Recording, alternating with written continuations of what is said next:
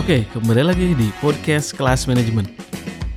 Saat ini saya ingin bahas uh, mata kuliah akuntansi manajemen pada subbahasan informasi akuntansi pertanggungjawaban.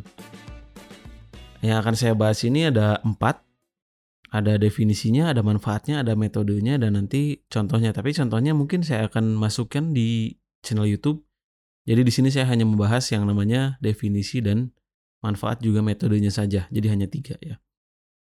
Oke, kita masuk ke definisinya. Definisi dari informasi akuntansi pertanggungjawaban itu seperti apa sih ya? Di sini definisinya gini, suatu informasi tentang aktiva, pendapatan, dan biaya yang menjadi wewenang dan tanggung jawab unit-unit organisasi yang bertanggung jawab atas pertanggungjawaban tertentu dalam suatu organisasi. Ya, cukup cukup membingungkan juga sih kalau dari definisi ya. Jadi informasi akuntansi pertanggungjawaban ini sama dengan pengendalian sebenarnya. Masih bingung juga? Oke, saya lanjut gini. Saya ambil contoh. Contohnya adalah misalnya gini, teman-teman misalnya merencanakan membeli sebuah jam tangan. Ya, merencanakan membeli sebuah jam tangan pada hari itu. Nah, pada pada hari H-nya itu sudah diperhitungkan kan?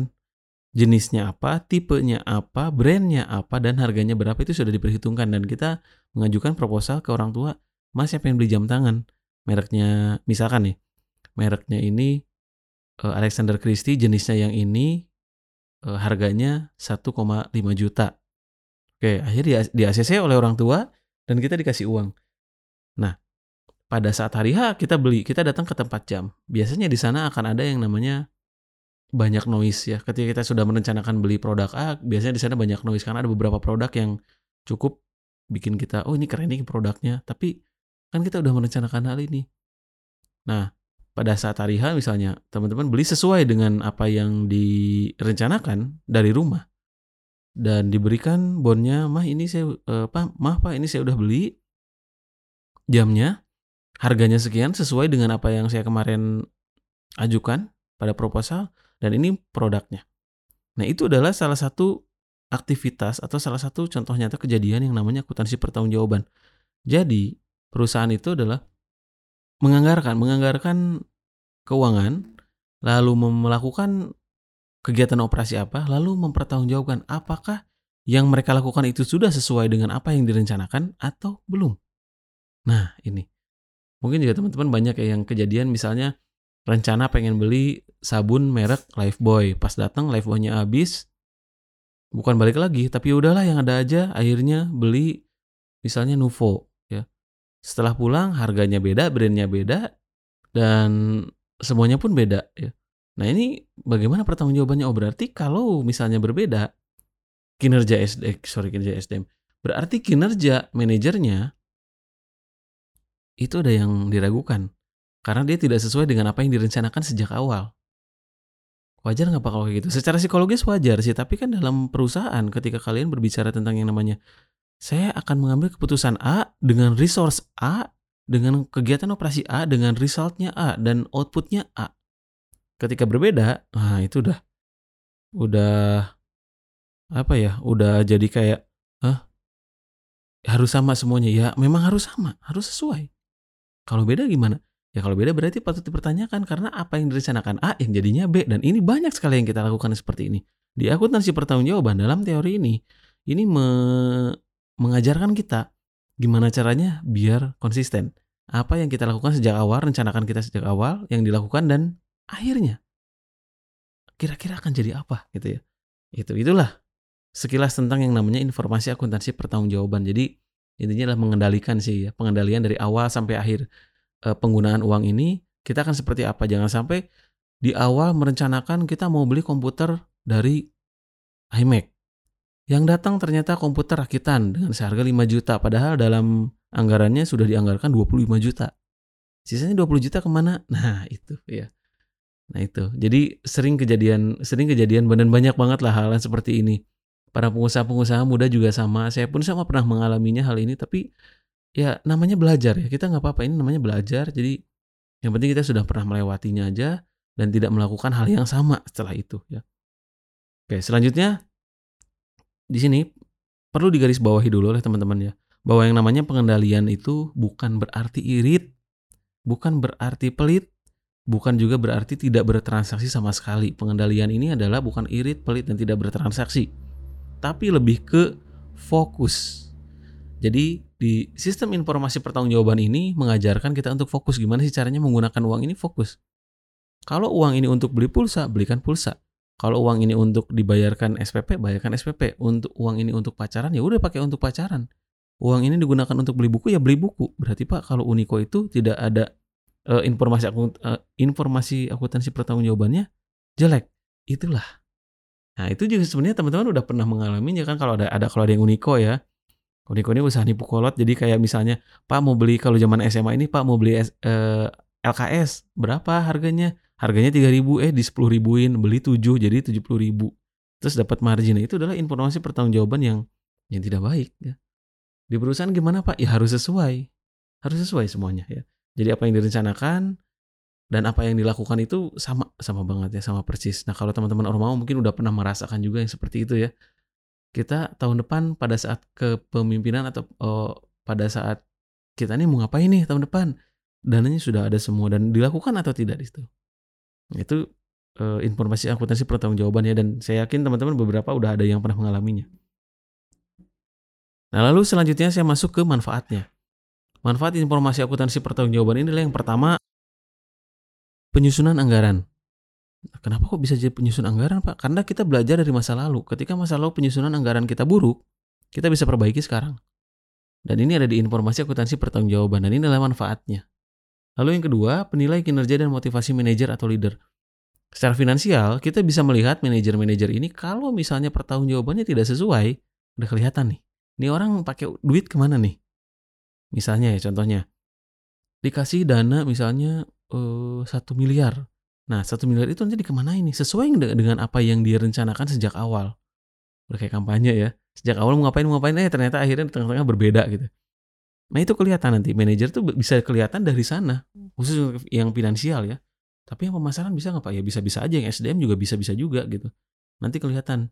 Misalnya saya mau bikin rekrutmen, uh, yang khusus untuk yang fresh graduate, eh ternyata bukan fresh graduate, untuk yang experience misalnya itu juga jadi salah satu hal yang buruk. Katanya rencananya kemarin A, kok sekarang jadi B ini ya. Jadi kelihatan konsistensi dan persistensinya segimana sih. Lalu manfaat yang ketiga ini adalah sebagai roadmap aktivitas dalam organisasi. Nah ini sih sebenarnya yang paling besar ini adalah roadmapnya. Roadmap uh, organisasi ini kita bisa kelihatan pada saat perusahaan ini menggunakan uangnya mau ke mana. Contoh, ketika perusahaan punya visi misi seperti ini, dana yang adanya segini, yuk kita pakai ini, eh ternyata dipakainya berbeda. Nah ini kelihatan banget. Banyak beberapa perusahaan yang gulung tikar hanya gara-gara ini, ya itu ada sih, ya ada. Apalagi di level UMKM sih ini banyak banget yang seperti ini. Rencananya pengen apa, prosesnya apa, hasilnya juga jadi berbeda. Semuanya berbeda ya. Itu. Oke, selanjutnya setelah ada eh, setelah manfaat ini ada yang namanya metodenya ya. Metode di informasi akuntansi pertanggungjawaban ini sebenarnya ada dua. Hanya ada yang tradisional responsibility accounting sama yang activity based responsibility accounting. Kalau yang tradisional itu yang biasa yang tadi saya ceritain. Jadi dilihat dari sumber dayanya yang digunakan, eh yang direncanakan, yang digunakan, yang yang dilaporkan. Ini pengendalian terhadap konsumsi sumber daya yang terlalu berlebihan. Ya. Dilihat dari sana. Dan yang kedua ini adalah metode activity based. Kalau activity based responsibility accounting ini mirip yang activity based costing itu. Dia lebih ke melihat beberapa aktivitas. Contoh misalnya, aktivitas produksi direncanakan ngabisin berapa listriknya nih. Sama pada saat realisasi dan sama pada saat terakhir pada saat pelaporan. Sesuai nggak? Sama nggak nih? Kalau beda gimana? Nah, ada pertanyaan lagi nanti kalau beda ya di sana. Jadi sebenarnya kalau kalau yang activity base ini ini adalah pengendalian terhadap aktivitas yang mengkonsumsi sumber dayanya. Ada yang konsumsi air, ada yang konsumsi obat-obatan misalnya. Di setiap divisi kan beda-beda. Nah itu dilihat dari sana. Yang mana yang paling boros kita bisa lihat. Kalau yang tradisional lebih ke eh, bukan di aktivitasnya tapi keseluruhan sumber dayanya ya. Oke nah eh, selanjutnya ini yang terakhir ya. Yang terakhir ini Definisinya, kalau definisi akuntansi pertanggungjawaban tradisional ini adalah suatu sistem akuntansi yang disusun sedemikian rupa sehingga pengumpulan dan pelaporan biaya dan atau pendapatan dilakukan sesuai dengan pusat pertanggungjawaban dalam organisasi. Dengan tujuan agar dapat ditunjuk orang atau kelompok orang yang bertanggung jawab atas penyimpangan biaya dan atau pendapatan yang dilanggarkan. Ya intinya sih dua-duanya sama-sama aja sih ya. Penyimpangan biaya di luar rencana gitu yang tadi saya bilang. Atau mungkin besar pasak daripada tiang. Perusahaan emang sering ngelakuin gitu pak? Ya ada aja, ada aja. Saya pernah merasakannya, saya pernah melakukannya juga. Ketika perusahaan saya ini berencana ingin expand, ingin scale up gitu, ingin, ingin expand intinya sih. Saya waktu itu pernah merencanakan bahwa yang harus kita perbesar ini atau perbanyak ini atau atau apa ya kualitasnya dibagusin lah intinya ya. Itu adalah aktivitas tetap kita saya bilang. Karena kenapa? Aktivitas tetap ini yang makan paling banyak banget biaya karena kita harus nyewa-nyewa terus. Oh iya. Ya udah kalau kayak gitu. Semua owner, semua direksi waktu itu oke okay, sepakat kita beli aktivitas tetap ya beli Aktiva tetap dengan dengan harga berapa puluh juta waktu itu ya. Tapi pada saat pertengahan akhirnya berbeda. Yang tadinya mau Aktiva tetap jadinya malah redesign, redesign kantor. Nah dari situ akhirnya berantakan tuh. Yang mau di apa yang mau di scale up-nya apa, eh yang kenanya apa, dan akhirnya outputnya pun pasti berbeda. Ya, outputnya pun pasti berbeda. Biaya eh, penyewaan Aktiva makin tinggi, terus cicilan nambahin, kantor yang merasakan paling hanya orang-orang kantor saja. Hanya sebatas branding, oh iya bagus ya sekarang kantornya selesai. Ya. Itu. Nah ini penyimpangan biaya, dan saya pernah pernah melakukannya itu ya. Lalu yang kedua ini activity based responsibility accounting ini definisinya ini adalah suatu sistem akuntansi yang disusun sedemikian rupa sehingga pengumpulan pelaporan biaya dilakukan menurut aktivitas penambah bukan penambah nilai untuk memungkinkan manajemen merencanakan pengelolaan aktivitas dan memantau hasil perbaikan berkesinambungan atas berbagai aktivitas untuk pembuatan produk atau penyerahan jasa. Jadi sih intinya kalau yang activity based responsibility accounting ini adalah merampingkan biaya pada setiap aktivitas. Contoh kalau produksi ya, misalnya bikin mie nih. Bikin mie ini kita butuh tepungnya itu sama air itu harus di apa namanya ya? Apa ya kayak diprosesnya tuh kayak di diaduk-aduk gitu ya. Nah itu membutuhkan air dan listrik berapa nih? Oh besar, nah itu bisa dirampingkan nggak tuh? Tapi dengan produksi yang sama. Itu. Lalu setelah tepungnya jadi yang kayak buntelan itu, kita giling jadi tepung yang panjang jadi mie mentah itu. Nah itu juga ngabisin listrik, tenaga manusia, dan alat berapa banyak tuh. Bisa nggak dirampingkan, tapi produktivitasnya tetap. Dan sampai sampai aktivitas yang terakhir, sampai penjualan, bisa nggak kita jualan kalau misalnya pemasarannya ini murah, tapi tetap coveragenya yang dapatnya engagementnya tetap segitu. Bisa nggak kita kita minimalisir? Nah itu masuk ke activity based responsibility accounting ya. Nah kurang lebih itu sih secara keseluruhan informasi akuntansi pertanggungjawaban itu lebih hanya tadi mengendalikan takutnya ada beberapa hal yang di luar rencana ya kegiatan di luar rencana dan itu banyak dilakukan sih kalau teman-teman nanti misalnya ya kalau yang dengar yang udah kerja nih kemungkinan oh pas saya juga pernah ngalamin nih kayak gini. Tapi kalau yang belum kerja nanti pada saat di tempat kerja akan ada yang namanya seperti itu.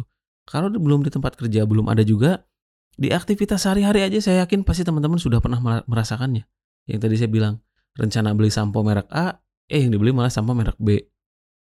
Rencana beli cuma buah, yang, yang kejadian beli buah sama makanan ringan. Itu banyak banget sih kejadian ya. Dan ini secara teori memang buruk. Makanya harus direncanakan dulu sejak awal tuh apa. Ya tapi kita nggak bisa juga sih berbicara hanya seperti itu. Karena kan yang saya bilang waktu itu, di akuntansi manajemen ini ada yang namanya ilmu psikologi. Jadi akan ada yang namanya ketika ada ada apa ih kok bagus ya pengen beli nah itu ada ada hal-hal yang seperti itu jadi kita nggak bisa hanya berbicara rencananya kan gini pak di jalan tuh akan berbeda ya karena ada psikologis di sana ada ilmu psikologisnya tapi bukan berarti ketika kita e, berbicara itu malah jadi satu alasan bahwa kita melakukan hal di luar pengendalian itu karena oh karena psikologis manusia. Kan manusiawi lah seperti itu. Dan bukan seperti itu tapi ya. Jadi ini hanya menjelaskan dalam teori informasi akuntansi pertanggungjawaban ini menjelaskan bahwa bagaimana sih mengendalikan yang namanya biaya dan mengendalikan psikologis itu ya. mungkin itu aja untuk materi hari ini. Semoga bermanfaat. Dan jika mau mendengarkan podcast podcast yang lain silahkan Sampai jumpa kembali di lain kesempatan. Terima kasih.